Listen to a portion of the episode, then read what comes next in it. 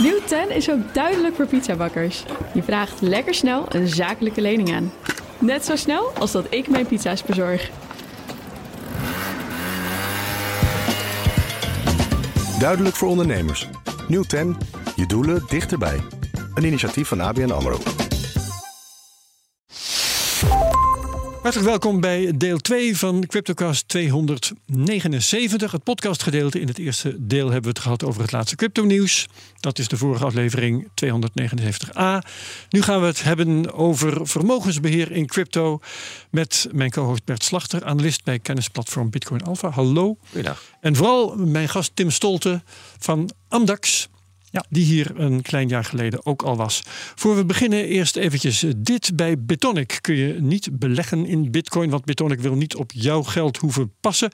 Dat kun je ook zelf. Maar Bitonic heeft wel een automatische spaaroptie. Die heet Bits. Dan kun je automatisch op regelmatige tijden bitcoin kopen. Normaal gaat elke aankoop gepaard met transactiekosten. Bij Bits van Betonnen kun je ervoor kiezen jouw transacties na een paar keren te laten bundelen, zodat de transactiekosten worden gedeeld en je meer Bitcoin overhoudt in je eigen wallet uiteindelijk. Kijk op bitonic.nl/slash bits. En luister je graag naar de CryptoCast, vergeet dan niet je te abonneren. Dan ben je direct op de hoogte van elke nieuwe aflevering. Goed, uh, Tim, uh, wat er tussen jouw vorige uh, aanwezigheid hier en vandaag in zit, dat is de bear market. Klopt, inderdaad. een type zucht. Um, en uh, ja, je zei toen dat je uh, in staat was om de markt te verslaan. Dat heb je in het, ons radiodeel in 279a ook al gezegd. Um, dus in de dalende markt uh, kun je blijkbaar ook de, de markt verslaan. Dat hebben jullie ook inderdaad gedaan bij Amdax? Dat hebben wij gedaan bij Amdax, ja. Ja. We hebben met uh, alle vier onze core strategieën hebben wij de markt. Ja, de markt is natuurlijk een beetje een abstract onderwerp. Ja. Wij kijken dan vooral naar bitcoin. Maar zeggen, want wat, wat is dan de markt die je wilt verslaan? Hè? Dat is ja, een of andere benchmark heb je daarvoor nodig. Precies, en je kan je benchmark kan je zelf invullen. Als we het dan voor nu even heel plat slaan, ja, dan, dan, dan is dat bitcoin. Ja. Bitcoin is toch wel de helft van de, van de cryptomarkt. Um, dus ja, die, die hebben we weten te verslaan. Als je, als ja, je dat was niet Bitcoin uh, moeilijk trouwens, want die uh, daalde als een idioot. Die daalde als een idioot, ja. Ja, simpelweg uitschalen was al voldoende geweest ja. om, uh, Maar aan de andere kant, altcoins daalden nog harder. Dus wat, wat, heb je dan precies gedaan, als je dat kunt samenvatten voor vier beleggingsstrategieën, om, om die markt te verslaan? Wat, wat was daarbij cruciaal? Ah, er is redelijk wat overlap tussen die, tussen die strategieën, dus dat ja. is wel, wel samen te vatten. maar wat het belangrijkste is, is dat als je de cryptomarkt in zijn algemeen omlaag ziet gaan, vaak gaat dat wel gepaard. Weet je, heel veel altcoins bewegen ook mee naar Bitcoin. Um, dus ja, er zijn heel veel correlaties die gewoon ontzettend hoog zijn. Ja. Dus als je dat verwacht voor de gehele cryptomarkt, dan is het altijd verstandig om uh, gedeeltelijk uit te stappen. Dus gedeeltelijk ja. euro in je, in je portefeuille aan te houden. Ja, of helemaal Bert. Dus als je zegt, uh, we gaan de markt verslaan en we kijken naar Bitcoin en je gaat gedeeltelijk uitstappen, dan betekent dat dat ik nu mijn portfoliowaarde uitgedrukt in Bitcoins hoger is dan een jaar geleden. Dat klopt helemaal, ja. Okay. En dan waar ik er altijd benieuwd naar ben, hè, want je kunt natuurlijk uitstappen bovenin en instappen weer onderin en zo. Ja, en dat is natuurlijk wat gezegd. iedereen wil. Hè. ja. Als het de perfecte sinus was, kon je precies, precies prikken. Exact. En maar um, als je zegt we hebben de markt verslagen, welke tijdsvakken neem je dan? He, bedoel, stel, het hangt natuurlijk vanaf wanneer ben ik klant geworden bij Amdax en wanneer heb ik gezegd ga het maar beheren en wanneer kijk, wanneer kijk ik dan? He, is het uh, 1 november of 1, 1 uh, wat is het nu, juli, weet je wat, dat kan nog een verschil maken en zo, dat soort dingen. Hoe uh, kan je daar nog wat over zeggen? Ja, het is inderdaad heel belangrijk wanneer je begint en wanneer je eindigt. Dus over welke periode. Je... Heb jij gewoon een gunstige periode gepakt nu om nu te zeggen, ja, we hebben de markt verslagen? Of? Ik hoef heel, niet, niet, niet heel hard te zoeken naar een gunstige periode in ieder geval, maar er zijn ook zeker periodes waarin we niet de markt hebben verslagen. Dus dat is wel belangrijk om te benadrukken. Um, in het afgelopen jaar hebben we natuurlijk eigenlijk twee ja, verschillende halve jaren gehad. Um, het tweede half jaar van 2022 uh, ging de markt echt naar beneden. Gingen we gewoon naar een, uh, ja, naar een bodem toe. Ja, een dieptepunt, ja. En in het afgelopen half jaar zijn we juist weer uit die bodem gekropen. Of dat dan het einde van de bearmarkt betekent, dat daar verschillende meningen over. Het lijkt er steeds ja. meer op natuurlijk, naarmate we verder omhoog gaan. En we hebben dus gezien dat we in het tweede gedeelte van 2022 uh, toch echt wel de markt hebben verslagen in ieder geval. We hebben echt wel hogere rendementen gegenereerd dan dat ja, er in de markt uh, te halen vielen. Ja. En dat is dus deels door het uitschalen in, uh, in, uh, in euro's. En ja, en met een hoger rendement bedoel je dan, het is niet om het per se negatief te formuleren hoor, maar dat je een, een, een lager negatief rendement had dan de markt. Minder verlies. Minder, verlies, dat is beter gezegd. Ja, dat is duidelijker. Ja. ja, nee, in die markt was er ook eigenlijk geen geld te verdienen. Want er Klopt. was vrijwel geen enkele altcoin die omhoog ging. Misschien voor heel kort, maar dat, ja, die kan je er niet zo heel erg makkelijk uitpakken. Ja. Dat is nogal lastig. Maar als we dan kijken naar het andere afgelopen half jaar, um, was het toch wel wat lastiger geweest om de markt uh, te outperformen. Uh, zeker omdat Bitcoin eigenlijk de hardste stijger was. Um, Bitcoin heeft echt in het afgelopen half en dat, jaar... En dat was je benchmark? Dat was nou net je vergelijking? Dat was onze benchmark. Dus ja, als je het beter wil doen dan je benchmark... en je benchmark doet het al eigenlijk beter dan al het andere... Ja. Dan is het toch best wel lastig. Het beste wat je had kunnen doen, eh, dat was in Bitcoin zitten... en uh, dat was nou net datgene wat je wilde verslaan. Ja, in hindsight wel, ja. Ja. ja. Dus dat is... Uh, ja, dat, dat, dat is dan jammer dat we dat niet. Uh, ja, wat mij verder nog interesseert als het gaat om de bear market. We hebben hier in de Cryptocast hebben we heel lang discussie gehad over uh, of die bear market nou eigenlijk begonnen was. Weet je nog wel, Bert? Zeker. Jullie zaten met allerlei indicatoren die eigenlijk er nog op wezen dat er een bull market uh, gaande was. Nou, het, was, het, was, het, het lastige is dat um, de, de, de, de stijging naar 69.000 in november 2021. Ja dat wordt door velen wel gezien als het einde van de boelmarkt. Maar er waren heel veel indicatoren. Ja, die, die, die, ja, precies. Er waren heel veel indicatoren die eigenlijk um, na de zomer van 2021 al op standje bear market stonden. Dus dan, dan dacht je na die piek van 64.000 in april, of mei, weet ik niet meer, in ieder geval voorjaar 21. Hé, hey, het tweede deel. Hey, het, het, het lijkt alsof de hype over is. En dan kregen we toch nog 69. En dan zit je in het eerste halfjaar van 2022 te kijken. Ja, bedoel, heel veel indicatoren staan nog steeds op hetzelfde.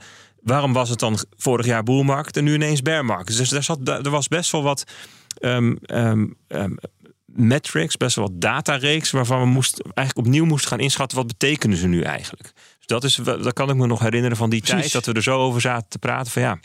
We zien wel dat we, wat, dat we lagere toppen neerzetten. Dat is natuurlijk het karakteristiek van een dalende trend. We zien ook fundamenteel, dus want de Fed had gezegd we gaan de rente verhogen. Hm, dat is ook tegenwind. Interesting, wat moeten we hiermee? Dan kregen we die oorlog. Ja, is dat dan goed of slecht voor Bitcoin? Het was goed voor goud. Hm, eh, allemaal vragen weet je, op tafel. Dus het was inderdaad een hele lastige tijd om, om dus het eerste halfjaar van 2022 om in te schatten welk regime zitten we nu. Ja, en dus is mijn vraag aan Tim: uh, wanneer besloten jullie, hé uh, hey jongens, bear market uitstappen? Ja, ik kan geen duidelijk uh, moment kiezen waarop wij dat ineens besloten om, uh, om eruit te stappen. Uh, maar naarmate we steeds lager gingen en het risico steeds hoger werd dat we daadwerkelijk in een bearmarkt zaten, um, schaalden wij steeds verder uit. Dus ja. we, hebben niet, ja, we hebben niet de top geprikt, om het zo te noemen. We, we, we, hebben niet op de top kunnen uitstappen. We hebben ook niet vlak onder de top kunnen uitstappen. Maar we hebben wel naarmate de bearmarkt vorderde, um, ja, uitgeschaald. Steeds verder. Om het, om het zo te zeggen. Stapje voor stapje blijkbaar. Eh, precies, ja. ja. En daarmee bouw je natuurlijk een soort voorsprong op, op je benchmark. Waarvan je dus ook weer iets kunt weggeven als het weer gaat stijgen. Hè? Omdat je dan te laat instapt of niet 100% in bitcoin zit. En het probleem is, dus dat is echt maar voor de mensen die er al bij waren vanaf de daling eigenlijk prima. Maar ja, als je onderin bent ingestapt is het lullig. Want dan mis je natuurlijk de stijging die je anders wel had gehad. Dus dat, dat is altijd het vervelende met dit soort... Uh... Ja, en daarom ook als je het totale resultaat wil zien... dan moet je ook over meerdere jaren kijken. Dus echt de, de jaren waarin het steeg en de jaren waarin het daalde. En als je dan naar één half jaar kijkt waarin ja, er maar één iets gebeurt en je dat dan toevallig niet hebt weten te verslaan, ja, dat, dat ja. Ja, en niet het, uh, het volledige beeld. Nee, zeker. Nou wordt vaak gezegd, oké, okay, de bitcoin uh, herstelt na een bear market het eerste. Die altcoins komen daarna wel. Is het ook waar jullie op rekenen? Zo van, alt-season komt nog wel en we halen het wel weer in? Uh, dat is wel onze thesis, ja. Ja, ja de verwachting is wel dat, dat altcoins... Um, ja, toch wel weer, weer boven komen drijven. Ja, als je het over tegenwind hebt, ik zeg het nog maar weer een keer, SEC SEC die heeft het vooral voorzien op de altcoins op dit moment. Ja, de SEC helpt niet. Nee. Nee. nee, zeker niet. Dat is echt wel het fundamentele nieuws waar je, dan, uh, ja, waar je dan mee zit. En waar je ook absoluut rekening mee moet houden. Weet je, als de SEC geen groen licht geeft voor, uh, voor altcoins om uh, ja, door te stoten, dan, dan moet je natuurlijk je altcoin-positie in je portfolio wel een beetje, ja. beetje bijstellen. Maar ja, de, de vraag is ook of, of de SEC deze macht blijft hebben over altcoins. Want als de boelmarkt weer aanbreekt, als mensen weer de mogelijkheid zien om Um, ja, om, om, om echt weer wat leuks te gaan doen met hun geld. Of ja. uh, wat meer risico te nemen. Uh, ja, dan, dan gaan altcoins wel weer. Dus dat, dan is het weer losgekoppeld van. Bedoel je, de SCC kan honderd keer toezichthouder zijn als er een boelmarkt uitbreekt, hebben ze niks te vertellen? Dat, zo is het toch niet? Eh, Nee, zo is het niet heel platgeslagen. Maar, maar dat, dat, dat zou uiteindelijk wel kunnen gebeuren als mensen de, de mogelijkheid hebben om, om, Ja. om hun geld te investeren in iets meer risicovollere projecten. Dan gaan ze wel op een of andere manier toch eh, buiten de Verenigde Staten eh, mogelijkheden zoeken of zo. Absoluut, absoluut. Ja, dat zou Ja, zomaar ja, ja. kunnen. Ja, wat ik me nog afvraag, hè, je hebt het over de altcoin-positie hè, of, of altcoins in het algemeen. En ik kan me nog herinneren van de vorige bearmarkt, opa spreekt, dat ehm, de, de, de alts waar we daarvoor naar keken, dat een heel gedeelte daarvan gewoon nooit meer terugkwam. Dat is dus, waar. dus dat is wat dan kan je. Hè, dus de vraag is van welk mandje alts pak je dan? Als je de volgende En hoe lang blijf je daarin zitten? ja, want we hebben nu heel vaak wordt Solana dan nu genoemd. Hè, van, dat is, ik geloof dat het ook de nummer 5 is of zo, weet je wel. Maar ja, wie zegt dat Solana. En dan maakt ze vaak de vergelijking met Ethereum of met Ether. Hè, van nou, die kwam ook weer terug. Maar weet je, hoe weet je dat soort dingen? Denk je daar ook over na? Of pak je gewoon een mandje?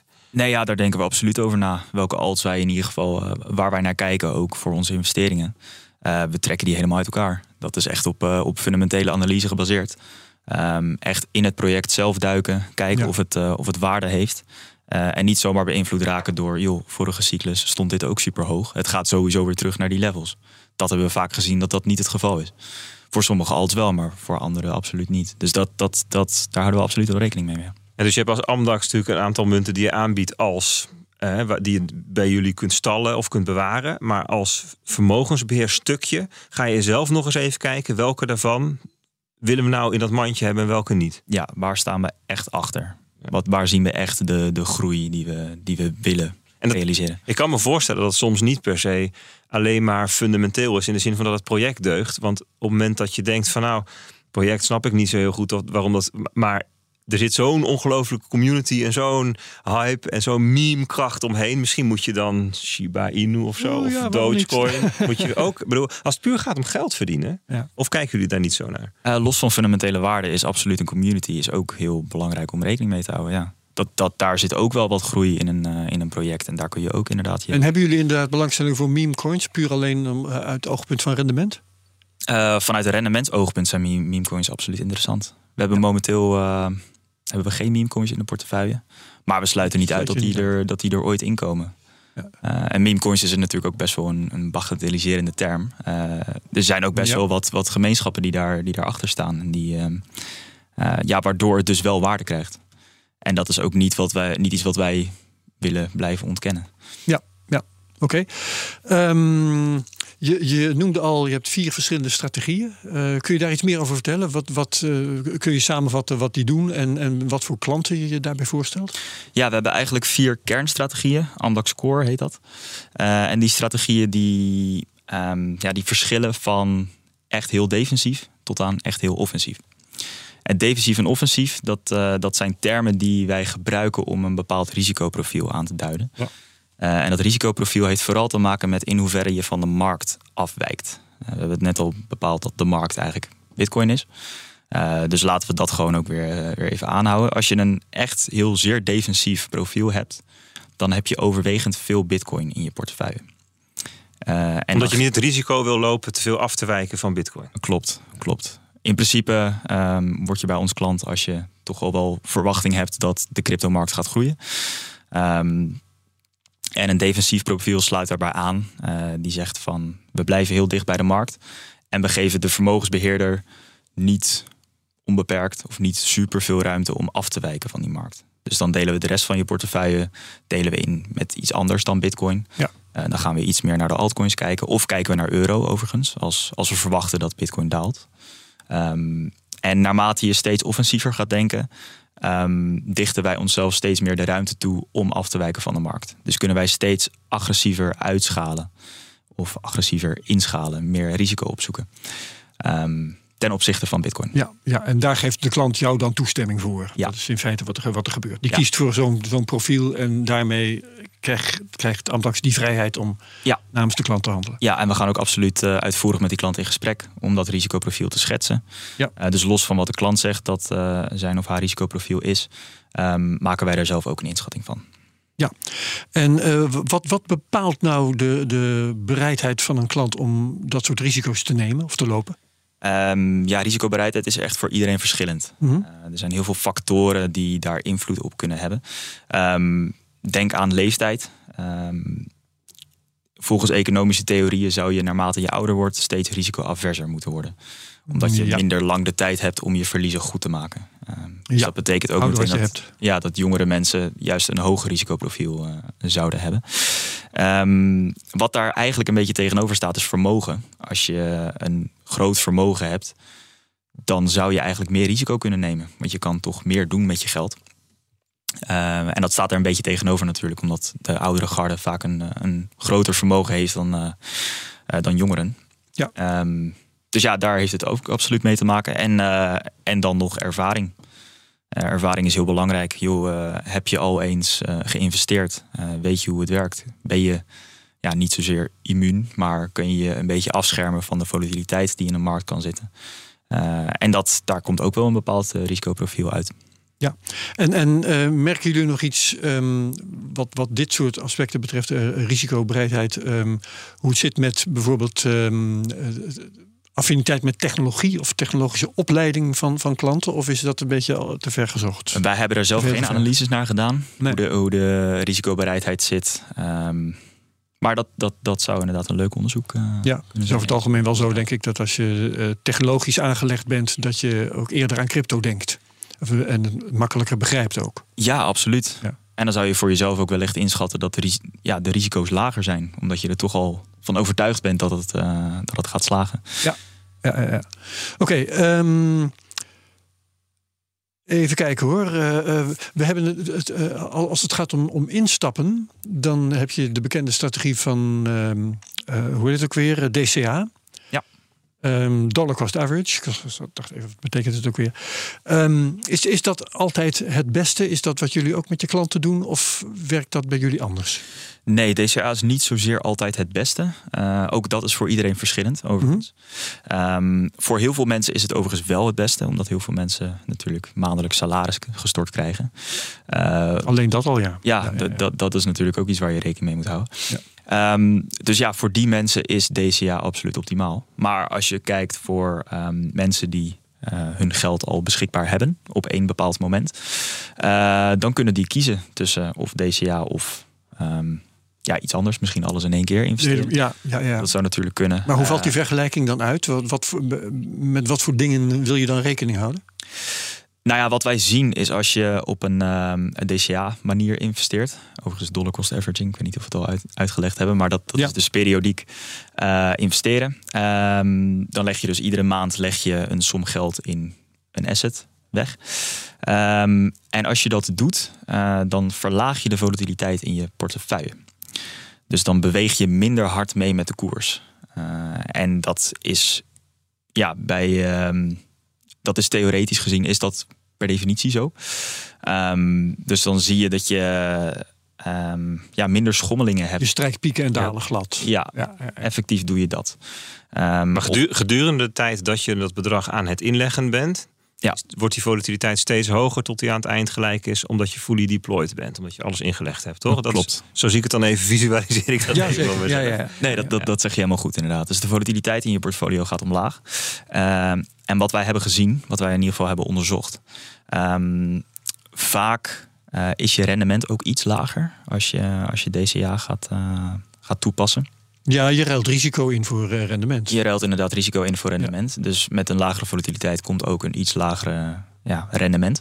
Op, ja. Maar als je die relatief aan elkaar stelt, doet DCA niet onder voor een eenmalige investering. Of althans, dat is het geval voor Bitcoin. Dat is iets wat, we, wat wij hebben onderzocht uh, en iets wat wij in ieder geval hebben gevonden.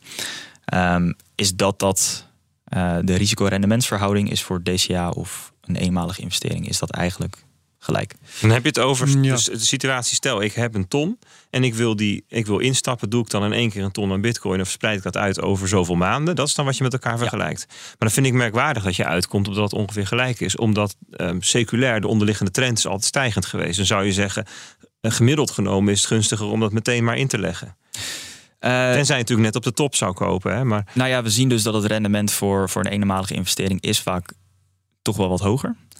soms ook niet. Er zijn ook absoluut jaren waarin dat zeker niet het geval is. Um, maar we zien dus dat die ehm, verlaging van volatiliteit in je portefeuille dat wel weer goed maakt. Ja, oké. Dus de waardeschommelingen zijn, zijn dermate minder geworden dat wat je dan inlevert aan rendement niet zo heel erg veel uitmaakt. Natuurlijk is dit ook voor iedereen weer verschillend van welk gewicht hang je aan die lagere volatiliteit. Hecht je daar nou echt zoveel waarde aan als, als andere mensen? Uh, dus dat is dan ook wel weer de vraag. Maar um, over het algemeen zien we dat dat uh, niet bij zoveel uitmaakt. Maar wat jij zegt, Bert, uh, um, je, uh, je, zegt. Je weet dat Bitcoin op termijn omhoog gaat, dus keep het er, uh, keep het er meteen maar in, die, die ton of wat je dan ook hebt. maar je kunt nog iets meer weten. Je kunt ook weten dat er een vierjaarlijkse cyclus is. En bear markets en bull markets. Dus daar kun je natuurlijk ook rekening mee houden. Dan is het niet zo slim als je weet. We zitten nu in een fase die waarschijnlijk een bull market is. Dan, dan weet je dat je of moet wachten of moet gaan DCA. Ja, ik zei overigens, ik weet dat het in het verleden zo was. Hè? In het verleden dus, want het gaat natuurlijk over analyse van de data uit het verleden. En dan verwacht Prestaties uit het verleden, ja. bla bla bla. Ja, ja, precies. Maar inderdaad, als je, als je investeringshypothese is dat er adoptie gaat plaatsvinden van deze technologie. En dat er een verband is tussen adoptie en de waarde van de asset. Dan zou je zeggen van, nou ja, doe het maar zo snel mogelijk. Rekening houdend met je beeld bij de marktcyclus. Van de, je plaatsbepaling van waar zitten we nu precies? Zitten we nu in een bear of een boelmarkt? Nou ja, de top van de boelmarkt en de bodem van de bearmarkt... die hebben wel echt een ander karakter.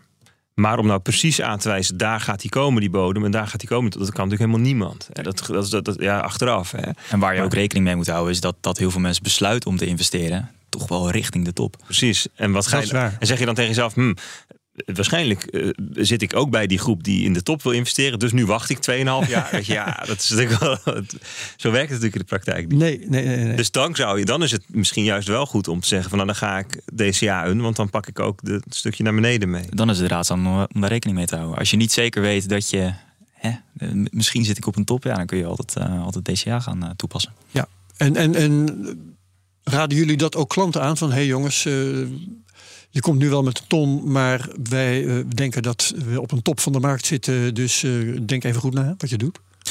Ja, daar gaan we wel met klanten in gesprek. Um, uh, nou ja, we, we, vertellen natuurlijk niet aan klanten van hè, we zitten bijna op een top, want dat weten wij ook niet. Wij weten ook niet of het een goed moment is om, uh, om in te schatten. We kunnen daar natuurlijk een, een inschatting van maken, maar we komen niet naar onze klanten toe met financieel advies wat dat betreft. Nee, oké. Okay. Maar ik kan me wel voorstellen dat je zegt van joh, Um, we gaan je die ton wel investeren, maar hou er rekening mee dat we in, de komende, in het komende jaar misschien ook voor een groot gedeelte weer uitstappen.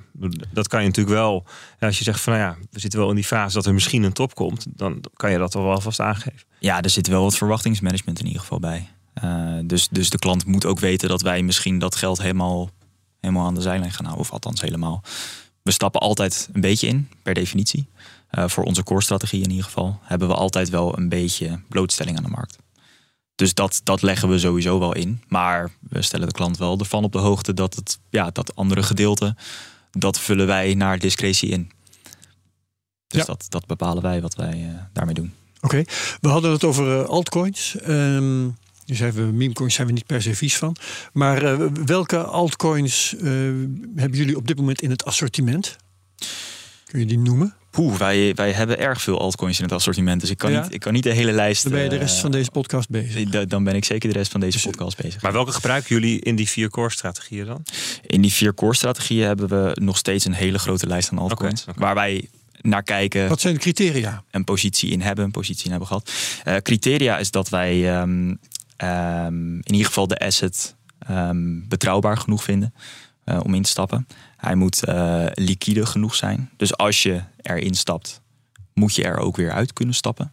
Er zijn natuurlijk heel veel kleinere altcoins waar je instapt en waar je nooit meer uitkomt. Daar ja. kom je niet meer uit. Hotel Californië. Ja, ja, sommige kom je gewoon per definitie niet uit. Dat, dat, is, dat staat ja. gewoon vastgelegd in het smart contract of iets dergelijks.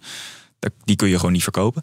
Uh, dus dat is natuurlijk altijd iets waar je, waar je naar moet kijken. En wij beleggen ook een, een aanzienlijke som geld als vermogensbeheerders. Dus ja, als je instapt, wil je niet ineens dat de hele koers uh, nee. omhoog klapt. Dus we, we, kijken ook wel naar iets groters. Uh, neemt niet weg dat wij nog steeds ook in, uh, in, in wat kleinere coins handelen. Als we die aantrekkelijk genoeg achten en, en betrouwbaar genoeg achten.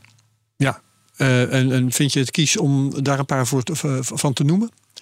Want ik ben wel benieuwd. Nou ja, we, we, we kijken sowieso veel naar Ethereum. Ja. Uh, in hoeverre dat overigens nog een, uh, nog een altcoin is. Want het, het lijkt toch ja. wel steeds meer een, een, eigen beestje te worden. Maar um, momenteel um, hebben wij best wel, ja, best wel aanzienlijk wat, wat Ethereum in de, in de portefeuille zitten. Dus dat, ja. dat omvat natuurlijk grotere altcoins. maar wat wij ook doen bij vermogensbeheer is, is toegangs, toegang geven tot private sales. Um, wat inhoudt dat je echt in superkleine projecten, vaak al voordat het project live is, ja. Kun je daar instappen. En Met dan heb je dan heb je het risico en uh, dat is, kans op uh, woekerwinsten. Dat is erg hoog, hoog, risico. Bovendien zijn dat ook illiquide assets. Um, ja. Dus wij, wij nemen daar ook maar een maximale positie in. Dus dan moet je echt denken aan maximaal een paar procent. Dat is echt niet, uh, echt niet veel wat we, wat we daarmee aandurven. Uh, en dat hoort natuurlijk ook bij het risicoprofiel. Ja. Ik had nog een vraag.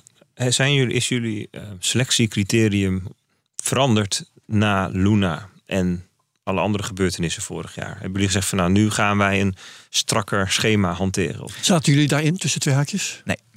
Oké. Okay. Geluk of wijsheid? Uh, ja, met hindsight is het natuurlijk heel makkelijk te zeggen. Nee, dat wisten we al lang. nee, nee, daar, daar, zit, er zit absoluut wat, uh, ja, wat wijsheid bij. Um, wij hebben maar sowieso al wel. Sorry? Maar ook wel wat geluk. Uh, vast ook wel wat geluk. Ja. ja. Ja, nee, niet dat we zomaar ineens denken van oh, we, we, kijken wel even wat het, wat het is. Nee, ja, dat, dat zou ik lastig kunnen inschatten wat dat dan precies was. Um, maar ons selectiecriterium hebben wij momenteel voor onze core-strategieën niet echt vastgesteld. Dus niet iets wat wij per definitie um, niet willen Of er zijn vast wel aspecten die wij per definitie niet willen zien. Uh, maar uh, wij hebben niet iets waar een coin per se aan moet voldoen en dan pas nemen we hem mee. Um, dit hebben we overigens wel voor onze algoritmische strategieën lopen. Daar hebben we wel echt vastgesteld waarin um, ja, waar een munt aan moet voldoen. Um, en dan heb je het over, uh, hij moet in de top 20 staan van uh, in, in market capitalization dan. Dus in marktwaarde. Moet hij tot, tot top 20 behoren. liquiditeit moet zoveel procent zijn. Um, en daar handelen we overigens niet in meme coins, omdat ons algoritme daar niet op werkt. Dat hebben wij, uh, oh. hebben wij gevonden, dat datzelfde algoritme niet op meme coins werkt. Omdat, komt dat? Um, dat komt omdat uh, meme coins een te korte hype hebben. Hmm. Oh. Om, om een trend vast te stellen. Om een trend vast te stellen, ja. Die ja. doen maar wat. Nou ja, je kan het tot op zekere hoogte kan je wel zeggen van... joh, als hij in de afgelopen uren 100% omhoog is gegaan... dan zal hij dat vast nog wel even doorzetten of iets dergelijks. Uh, dus er zitten heus wel trends in. Uh, maar het algoritme wat wij in ieder geval hebben ontwikkeld... pakt die trends niet um, adequaat genoeg om voor ons om met zekerheid te kunnen zeggen dat we die moeten opnemen in die, in die portefeuille. Ja. Maar dan hebben we het dus nu over een nieuw soort strategie. Hè? Want we hadden net even over de vier core strategieën. En dan zijn we nu bij een andere aangekomen. Nou, algoritmisch handelen bedoel je? Ja, ja. ja nee zeker. Dat, op een goed moment, want ik wou er net over beginnen. want leg eens uit wat, wat die rol van dat algoritmisch handelen bij jullie precies is. Uh, wat, wat mag een algoritme beslissen en nou, wat niet? Hoe dit zich verhoudt met normaal vermogensbeheer. Dus ik heb het net gehad over de core strategieën. Dat zijn de vier strategieën die ja, de naam zegt het al, uh, echt in de kern van onze, onze dienst liggen. Uh, en algoritmisch handelen staat daar een beetje los van, uh, omdat daar eigenlijk geen menselijke interventie okay, dus dat functioneert niet binnen die vier strategieën? Nee. Echt een los ding? Dus als klant mag ik daarvoor kiezen? Als, als klant kan je daarvoor kiezen, okay. ja. De instap daarvoor is ook, is ook lager. Uh, dus voor onze core strategieën hebben we een minimale instap van uh, 100.000 euro. En die algoritmische strategieën, daar kan je al in vanaf 25.000 euro. Uh, en die, zoals ik al zei, die handelen volledig automatisch. Dus een algoritme herkent wat de streefgewichten moeten zijn in de portefeuille. En een ander algoritme voert dat ook uit.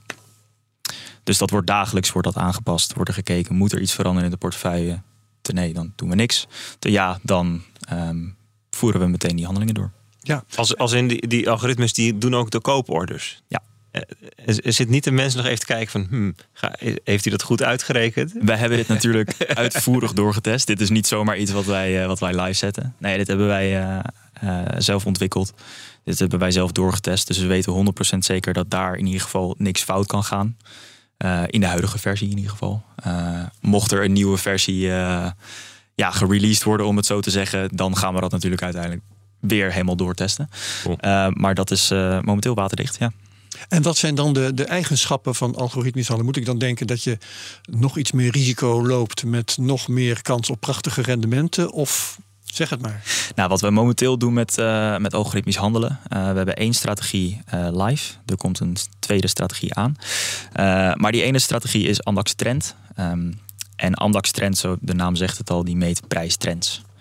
Um, dus over een periode van een paar dagen tot een paar maanden worden verschillende prijstrends gemeten uh, voor bijvoorbeeld één enkele asset, neem Bitcoin. Ja. Uh, en als die prijstrend aanwezig is, dan um, allokeren wij een stukje van het portfolio naar. Dus dan redeneer je, dit gaat nog wel even dus ook door. Ja, we gaan ervan uit dat die trend dan doorzet. Dat is uitvoerig onderzocht ook door ons. Daar hebben we, ehm, hebben we veel onderzoek naar gedaan. Dit, komt, dit idee komt overigens ook vanuit de traditionele finance. Um, heel veel financiële producten die hebben al deze eigenschap van trend. Dus hè, trends zetten zich voort, positieve trends zetten zich voort, negatieve trends zetten zich voort. Uh, dus dat is ook iets wat we dan hebben meegenomen vanuit traditionele finance. Heel veel onderzoek naar gedaan en dat willen we nu toepassen op crypto. En dat kunnen we dus op een algoritmische, ja, op algoritmische basis kunnen we dat doen. Ja, Goed, dat, is dus, um, dat zijn de uitgangspunten. Maar um, waar ik eigenlijk naar vroeg was, uh, hoe zit het dan met, uh, met risico en rendement? Als je dat vergelijkt met die andere strategieën. Uh, waar, waar, steek ik mijn uh, teen in? Ja, of, of het vergelijk met gewoon bitcoin aanhouden. Hè? Ja, ja, ja, dat kun je ook doen. Ja, je kan het op verschillende manieren meten. In, in, je zou kunnen stellen dat dit een laag risico heeft. Omdat het geen blootstelling geeft aan um, echt de hele kleine altcoins. Zoals ik al zei, we hebben echt een uitvoerige uh, ja, criteria waar, waar, waar de munten in ieder geval aan moeten voldoen. Um, maar tegelijkertijd heb je natuurlijk wel iets, ja, een stukje meer risico. Weet je, er komt geen menselijke interventie.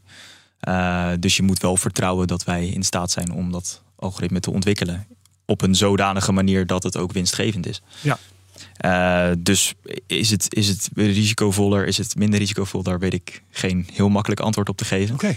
Maar het is, het is zeker iets waar, um, uh, waar wij uitvoerig mee in gesprek gaan, ook met onze klanten. Dat ze weten waar ze, waar ze aan beginnen. Ja. En je, noemt dat algoritme als iets wat, wat, jullie hebben ontwikkeld en dat nu klaar is. Um, is het ook iets wat uh, met de ervaringen van de komende tijd verbeterd gaat worden? Of komt er alleen maar op zekere dag een nieuw algoritme?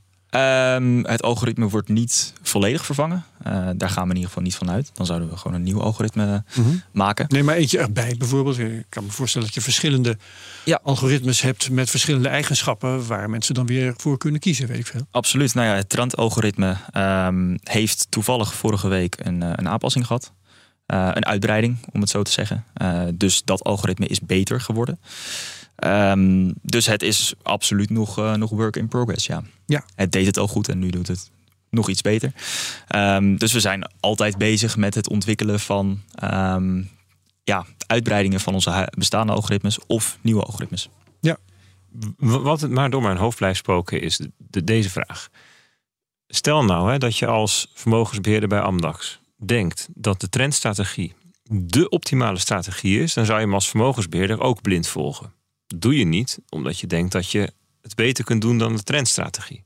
Dus waarom zou ik ooit de trendstrategie nemen? Hoezo doe je dat niet? Omdat je denkt dat je het beter. Nou ja. Want of, of, volgen jullie allemaal precies de trendstrategie? Nou ja, je, je zegt, stel het is de optimale strategie dan denk je als vermogensbeheerder niet dat je het beter kan. Want het is de optimale strategie. Ja, maar jullie, precies, maar jullie hebben nog vier andere strategieën waarin je wel zelf keuzes maakt die afwijken van de trendstrategie. Er, er is geen optimale strategie, is daar eigenlijk het antwoord op. Uh. Want het verschilt ook per, per risicoprofiel. Wat, wat wil je met je, uh, met je geld te doen uiteindelijk? Wil je heel dicht op de markt zitten, zoals ik al net heb gezegd, met ja. defensieve en offensieve strategieën. En de trendstrategie um, is in wezen een, een, een ander dier. Dat, dat mikt sowieso op um, de wat grotere cryptomarkt. Dus echt een beetje de, de, de grotere uh, munten. Is per definitie daarop gefocust. Um, dus ja, het, het, het levert daadwerkelijk wel, wel iets anders voor een ander type klant. Voor sowieso ook de klant met, met een ja, lagere uh, minimale instap. Ja. Dus Ik, uh, oh ja, dat is natuurlijk ook, wat dat betreft kun je zeggen, het is, het is onze goedkope aanbieding. Maar er hoeven geen mensen uh, zich mee bezig te houden. Ja, in wezen houden we ook rekening met wat onze trendstrategie zegt in onze core portefeuilles. Mm. Ja. Dus we kijken wel naar, joh, wat heeft het algoritme gedaan? Want wij zijn er natuurlijk van overtuigd dat het een, een goed winstgevend algoritme is. Um, dus wij nemen dat mee in onze besluiten voor de core portefeuilles. Ja. Ik heb een andere vraag die mij uh, intrigeert. Uh, stel morgen kleunt je algoritme mis. Dat kan. Um, dat kan komen doordat er uh, opeens een oorlog ergens uitbreekt. Ja, het is toevallig gebeurd vorig jaar, maar weet ik veel. Misschien ontploft er een atoombom. Um, uh, misschien heeft weer een of andere toezichthouder ergens kuren die crypto aantast op een of andere manier. er kan van alles gebeuren. Wanneer besluit je nou van ja, dit is iets dat valt buiten de normale marktontwikkelingen. Daar gaan we dat algoritme niet op aanpassen. En wanneer besluit je, oh, maar dit had in het algoritme moeten zitten. Dit hadden we moeten voorzien. Um ja, evenementen wanneer, zoals... Wanneer, besluit je, uh, ons algoritme heeft een update nodig, want wat er vandaag is gebeurd? Fundamentele uh, ja, nieuwsberichten, om het zo te noemen. Dus het uitbreken van een oorlog of de SEC wat besluit om, om iets te doen. Um, zouden in essentie geen invloed hebben op ons algoritme zoals die staat. Mm -hmm. Dus wij kijken naar Bitcoin Trend, kijken we echt alleen naar de prijs.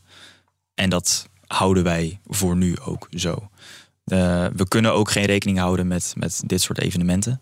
Van ja, mocht, mocht het gebeuren, gaan we dan meer of minder naar Bitcoin allokeren. Dat, er valt voor allebei valt wat te zeggen. Of we, of we daar dan een, een bias in gooien, om het zo Ja. te zeggen.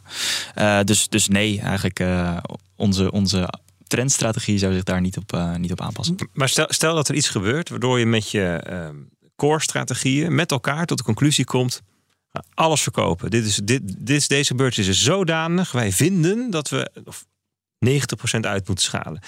Trek je dan ook handmatig aan de rem bij trend? Zeg je dat doen we daar ook? Of laat je dat dan gewoon op de klippen lopen? Um, als we het weer hebben over de, de investment uh, criteria. Uh, dus welke munten nemen we mee in trend? Um, in dat document is ook opgenomen, mocht zich een, nou, zeg een Luna um, scenario voordoen. Uh, dan trekken we die munt direct uit de trendstrategie. Precies. Okay. Die valt direct weg. Mochten we ook maar iets van een risico zien dat, dat, dat ja, het mogelijk is dat die munt naar nul gaat, dan. Dan laat je het niet gebeuren. Laat nee, je niet dat laten we niet gebeuren. Nee, ja, nee ja, als we, natuurlijk, als we, als we daar iets aan kunnen doen, dan zullen we ook dat uit alle macht proberen te doen. Dus dan verwijderen die munt per direct uit, uh, uit de trendstrategie. Hey, en, en als het om die trends gaat, hè, nou, ik denk dat uh, veel mensen die de koersen in de gaten houden, uh, die loeren natuurlijk ook op trends. En dan sta je altijd voor de vraag: um, is die trend nu lang genoeg bezig dat ik zeker weet dat het een trend is? Um, of zal ik gok ik er eerder op dat er een trend is begonnen. Dan heb ik natuurlijk een grotere kans op winst, maar ook een grotere kans dat ik het mis heb. Uh, blijf ik langer naar die koersen loeren, dan weet ik zeker dat het een trend is. Maar dan weet ik ook zeker dat er minder tijd nog over is voor die trend om zich voor te zetten. Ja. Hoe speel je daarmee? Um, op verschillende manieren. Wat je, wat je ten eerste moet doen, is naar meerdere periodes kijken. -hmm. Dus niet alleen op de korte termijn, maar ook de langere termijn trends. Um, dus dan heb je het over ja, van een paar dagen tot een paar maanden. Da daar kunnen zich allerlei trends in voordoen. En het is dus relevant naar welke trend je kijkt. Uh, en welk gewicht je ook geeft aan verschillende trends. Dus je zou misschien meer gewicht willen geven aan een lange termijn trend dan aan een korte termijn trend. Um, nou, daar kun je, daar kun je heel, veel, heel veel mee spelen in ieder geval. Um, dus ja, dat, dat, dat is in ieder geval hoe je daar, hoe je daar rekening mee houdt. En Ja. ik wil ook niet te veel vertellen over ons algoritme. want dan gaat de markt ermee vandoor. Bedrijfsgeheim, ja precies. Ja, en, en dat, is, um, dat is een valkuil waar, uh, waar alle algoritmen volgens mij mee te maken hebben. Uh, als een algoritme succesvol is en iedereen gaat het gebruiken, dan is het niet meer succesvol. Zo is het toch? Zo is het, ja. Ja, dus iedereen wel, de hele wereld. Hè? Dus dat Ja. het, de markt van Bitcoin is natuurlijk wel zo groot. Ja. Van de grote crypto-activa zo groot dat je. Het maakt niet uit dat je vier copycats hebt. Dan moet je hem echt gewoon als wereld, als collectief dezelfde Ja, dingen maar er is dus alle reden als je een kleine speler uh, bent om dat voor jezelf te houden. Nou ja, als je echt het beter kunt dan de markt, hè, en als je de markt kunt verslaan, als je alfa hebt, ja, dan is dat veel waard. Ja. Oké. Okay. Um, Laten we eens naar de toekomst kijken. Uh, als, je, als je kijkt naar, uh, naar jullie benchmark, Bitcoin. Dan zie je naarmate de tijd vordert dat de volatiliteit afneemt. En dat ook de mate waarin de koersen stijgen afneemt. Als je kijkt naar de logaritmische grafieken van Bitcoin van de laatste jaren, dan is dat wat je ziet. Die, af, die afbuigende krommen. Um, wat, wat betekent dat voor cryptovermogensbeheerders? Uh, betekent toch dat de, je kansen om uh, winst te maken toch minder worden? Dat crypto als, als grote uh, bezorger van rendement minder sterk wordt? Je zou dat kunnen stellen. zeker als je verwacht dat, dat, dat, Bitcoin altijd heer en meester blijft binnen het, het crypto-domein. Um, dat neemt niet weg dat er nog steeds um, ja, nog net zoveel rendement te behalen valt in de ja, altcoin ehm, dimensie in ieder geval. Ja. Uh, dus als we inderdaad kijken naar Bitcoin, dan zie je die afnemende meeropbrengsten. Uh, die ziet iedereen, denk ik.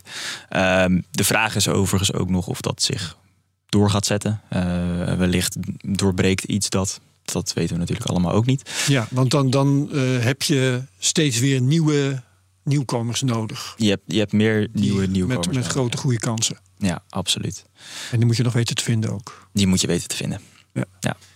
Maar het is geen gegeven dat die, die zijn de afnemende meeropbrengsten, dat dat ook zo blijft. Er zijn bijvoorbeeld, neem bijvoorbeeld Amazon. Als je daar gaat kijken, en dat geldt volgens mij wel meer van die grote tech-jongens. Dat je eh, periodes ziet van, van de verdubbeling van marktwaarde. Vier jaar, vijf jaar, zes jaar. En dan in één keer toch weer in drie jaar verdubbelen. En dat is zo'n zo'n laatste een hele grote stap maken. In één keer een hele grote markt weten te vinden. Het heeft toch vaak te maken met toegang tot, tot adoptie. Hè? Dus dat je in één keer van miljoen naar een miljard gebruikers gaat bijvoorbeeld. Dus dat zou in theorie kunnen. Net zoals dat ook zou kunnen dat de adoptie bij bitcoin omlaag gaat. En dat we niet eens meer meer opbrengsten, maar minder opbrengst krijgen. Ik bedoel, wat dat betreft, toekomst is natuurlijk fundamenteel onzeker. We weten gewoon niet hoe hoe het uitpakt. Ja, dus jij zegt die, die uh, um, afbuigende krommen, die kan zomaar opeens. Daar, ook daar kan je geen huis opbouwen. Dat, je kunt niet ervan uitgaan dat het, omdat het in het verleden zo was, in de toekomst ook zo gaat zijn. Nee. Dat is denk ik wat ook leuk maakt, uh, Tim. Ja, absoluut. Ja, je kan er uh, oneindig over speculeren natuurlijk. nee, het is, het is, niet dat wij als vermogensbeheerder daar, daar per se van uitgaan dat, uh, dat deze, deze trend zich voortzet. Je, moet, je moet natuurlijk voorbereid zijn op alles. Ja, en um, die, die groeikansen zoeken jullie die op dit moment vooral in, uh, nou ja, ik zou haast zeggen conventionele altcoins. Want er zijn natuurlijk wel andere dingen verschenen ook. Hè, vooral het laatste, de laatste twee jaar. NFT's heb je sinds uh, pak een beetje een jaar of twee uh, als, um, nou, als, als, als grootschalig gebruikte nieuwkomer. Op wat kleinere schaal hebben we sinds dit jaar de ordinals op de Bitcoin blockchain en de BRC20 tokens. Uh, kijken jullie daarnaar? Doen jullie daar wat mee of uh, bewust niet? We, we, nemen de ontwikkeling mee uh, in onze overwegingen. dat maar heel diplomatiek. Dat, dat is erg diplomatiek ja, absoluut. Nee, um, we, we, zijn nu niet van plan om, om BRC20 tokens, om, om daarmee te gaan spelen als vermogensbeheerder. Nee. Daarvoor is het echt nog wel te weinig, te weinig adoptie. Kunnen wij er niet zo. en ordinals ook niet? Nee. En NFT's? NFT's kijken wij naar. Um, ja, kijken we naar. Punt. maar maar je, kan, je zou wel bijvoorbeeld NFT-platforms kunnen opnemen in je portefeuille. Een Blur of zo. Of... Absoluut. Ja, er zijn natuurlijk. Er zit zat infrastructuur om NFT's heen. Um, waar je wat makkelijker in kan stappen als vermogensbeheerder. Ik, ik zou het ook gek vinden als Van als mijn vermogensbeheerder ineens een Rembrandt aankoopt of zo. Weet je, dat, is, dat, is, dat is wel heel ver af eigenlijk. Van, hè? Terwijl het wel helemaal niet gek is om te investeren in de kunstsector of zoiets. Het is een manier om je vermogen ja, uh, ja, te bergen. Ja, ja. ja, Wat het ook is, wij als vermogensbeheerder, wij beheren individuele portefeuilles van klanten. Dus je kan niet één NFT aankopen en die dan zo, zo makkelijk zo van, nou, dan delen we deze in, in, in zoveel stukjes. Het is om naar, naar, jullie eigen criteria te kijken. Het is niet zo heel liquide. Nee, het is niet bij liquide. En dat kun je op dit moment aan de straatsteden niet kwijt. Ja, voor sommige En die zetten ook uh, de laatste tijd nog week op week lagere uh, koersen. Ik doe even met quotes koersen. want het, gaat, momentje, Bert. het gaat om de floor price. Hè. Dus wat is de laagste prijs? Daar wordt vaak naar gekeken waarvoor een NFT uit een collectie aangeboden wordt. Nou neem de Board Apes. Ja, die blijft nog steeds gewoon wel dalen. Hè. Terwijl veel altcoins, nou ja, die hebben trouwens ook nog wel lagere koersen neergezet de afgelopen weken in, in, met het SEC-verhaal. Terwijl Binance, of, uh, Bitcoin en Ether natuurlijk alweer dat een half jaar geleden is. Dus het is wel, wel interessant, vind ik, om ja, die, die NFT-markt, om dat te volgen van wat gebeurt er nou met Ja, want die... we weten eigenlijk nog helemaal niet wat het voor ding is. Ja, Zeg je eigenlijk. ja, ja hoe, wat, wat het betekent voor mensen. Is het voorbij of eh, pikt het weer? Ja, dat, dat, ja dat, mijn hypothese is dat het niet voorbij is. Aha, Maar, maar hoe, in welke mate het niet voorbij is, komt het terug? Komt hetzelfde terug? Komt er iets anders terug? En wanneer dan? En wanneer dan? En waarom Ja. dan? En we zagen vorige keer dat op de, in de top van de hype mensen veel geld hadden verdiend. En dat op een of andere manier ja, wilden visualiseren of zo. Dan kochten ze een, een punk of een ape. En, maar, maar die apes die bieden ook weer toegang tot allerlei dingen inmiddels. Je bent lid van een club. Het wordt een soort sociëteit. Inclusief allerlei fysieke plekken waar je toegang krijgt. Een hele, geen idee hoe dat uitpakt, weet je wel. Dus dat vind, ik vind het wel, eh, wel boeiend. Ik kan me ook voorstellen. Die, ik bedoel, jullie klanten, dat zijn vermogende mensen. Je zegt van, nou ja, ehm, we, we bouwen een soort NFT-fondsje. Waar je als klant een stukje van kan hebben. Want dan ga ik niet speculeren op wil die ene ape of die andere punk. Maar gewoon een fondsje met een punk en een ape en een videnza. En dan kan ik dan een stukje van hebben. Dat lijkt me best een leuke manier voor mensen om toch wat blootstelling te krijgen aan die, eh, aan die schilderijen of zo, weet je wel. Ja, wat we bij Amdax ook doen, dat, dat staat buiten vermogensbeheer. Er zijn klanten bij ons die, eh, die hun NFT bij ons hebben. Gewoon als bewaarpartij. Als bewaarpartij. Oh, ja. ja, ja, dat kan ook al. Dus, dus we doen er absoluut wat mee. Ja. Ik ben eh, voor eh, deze podcast wel zo'n beetje uitgevraagd. Had jij nog vragen aan Tim Bert? Ja, want we hebben het heel eventjes gehad over de tweede strategie. En daar hadden we het in het voorgesprek ook even over. En dat ging namelijk over een Bitcoin-only strategie, kan ik mij Oh ja. herinneren. En dat vind ik dan wel weer interessant. Want dat zou ik, ja, weet je, ik ben, ik ben zelf ook niet een hele actieve handelaar. Dat vaak als er spannende dingen gebeuren, heb ik hele andere dingen te doen. Maar ehm, ja, een beetje kijken van, nou ja, wanneer moet je nou veel en weinig Bitcoin hebben in je portefeuille of zo? Dat zou ik best interessant vinden. Dus ik ben wel benieuwd hoe dat dan werkt of wat je daarmee doet. Ja, dat idee is eigenlijk ontstaan uit... ehm, nou, in onze core portefeuilles hebben we heel veel altcoins zitten. Eh, we zien daar ook wel veel groei. Ehm, dus begint de nadruk steeds minder op bitcoin te liggen van tijd tot tijd. Dat betekent niet dat het ook weer terug kan komen. Ehm, maar wij, wij merkten dus dat er wel vraag was eh, vanuit mensen naar... bieden jullie ook een, een, een bitcoin-only product aan? Dus iets wat alleen in bitcoin handelt. Dus bitcoin koopt, verkoopt op de juiste momenten. Uit, uit ideologische overwegingen, die vraag? Of Eh, voor sommigen wel. Eh, nou, voor- voor, de meesten eigenlijk wel. Die, die geloven gewoon in de Bitcoin-technologie. Of die hebben niet zozeer naar de rest gekeken. Of die geloven er simpelweg niet, niet in de rest. Dat kan natuurlijk allerlei redenen hebben waarom je alleen in Bitcoin geïnteresseerd bent. Ehm, maar ehm, specifiek daarvoor eh, zijn wij gaan kijken van... Joh, kunnen wij een, een algoritme in elkaar zetten? Ehm, wij kijken sowieso veel naar data als, eh, als vermogensbeheerders. En wij hebben dat algoritme eigenlijk ontwikkeld. En dat is onze ja, Bitcoin Algo-strategie geworden. En die gaat vermoedelijk deze week eh, live. Ehm, Kijk aan. en eh, ja, dit algoritme kiest dus de juiste momenten ehm, om in en uit te stappen. Op Bitcoin, euro's, verder niks. Bitcoin, euro's, verder niks. We, doen Ja. geen, we maken er geen eh, Ja. circus van. poespas omheen. Dat is, dat is allemaal, allemaal niet aan de orde. We kijken gewoon naar veel verschillende bronnen. Dus macro-economische factoren, on-chain data, eh, derivatenmarkten pakken we erbij. Alles wat ons ja, die, die edge zou geven om, eh, om bitcoin in ieder geval te verslaan. Met alleen bitcoin. Dus stel dat ik jou twee bitcoin geef en zeg stop maar in je strategie. Is het dan redelijk voor mij om te verwachten dat ik dan na een tijdje meer dan twee bitcoins heb? Is dat het idee? Ja, dat is het idee. Ja, dus wij doen je bitcoin vermogen groeien in die zin. Eh, en dat heeft de afgelopen jaren heeft het laten zien dat het eh, ontzettend goed eh, presteert. Ehm, en ook dat wij weten hoe, hoe die signalen werken in ieder geval. Het is niet zomaar dat we vertrouwen dat, dat patronen zich doorzetten. Eh, maar er zit ook daadwerkelijk een, een gedachte achter. Dus echt economische theorieën, psychologische theorieën. ehm, die allemaal input zijn voor dit algoritme om, om goed te functioneren. Spannend. Ja, leuk. Nou, dit wilde ik nog even horen. Dat wil je nog even weten. Hadden we nog iets moeten vragen, Tim, wat we niet gevraagd hebben? Eh, nee, ik denk dat dit eh, de lading wel dekt. Goed zo. Nou, dan eh, dank ik jou hartelijk. Tim Stolte, Quantitative Portfolio Manager bij Amdax. Dankjewel.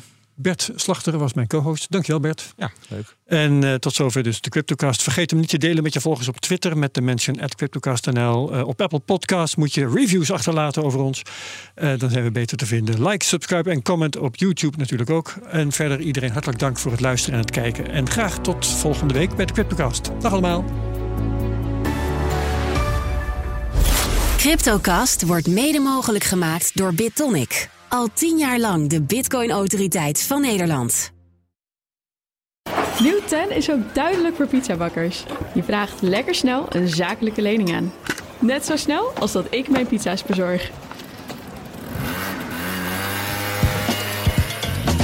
Duidelijk voor ondernemers. Nieuw 10, je doelen dichterbij. Een initiatief van ABN AMRO.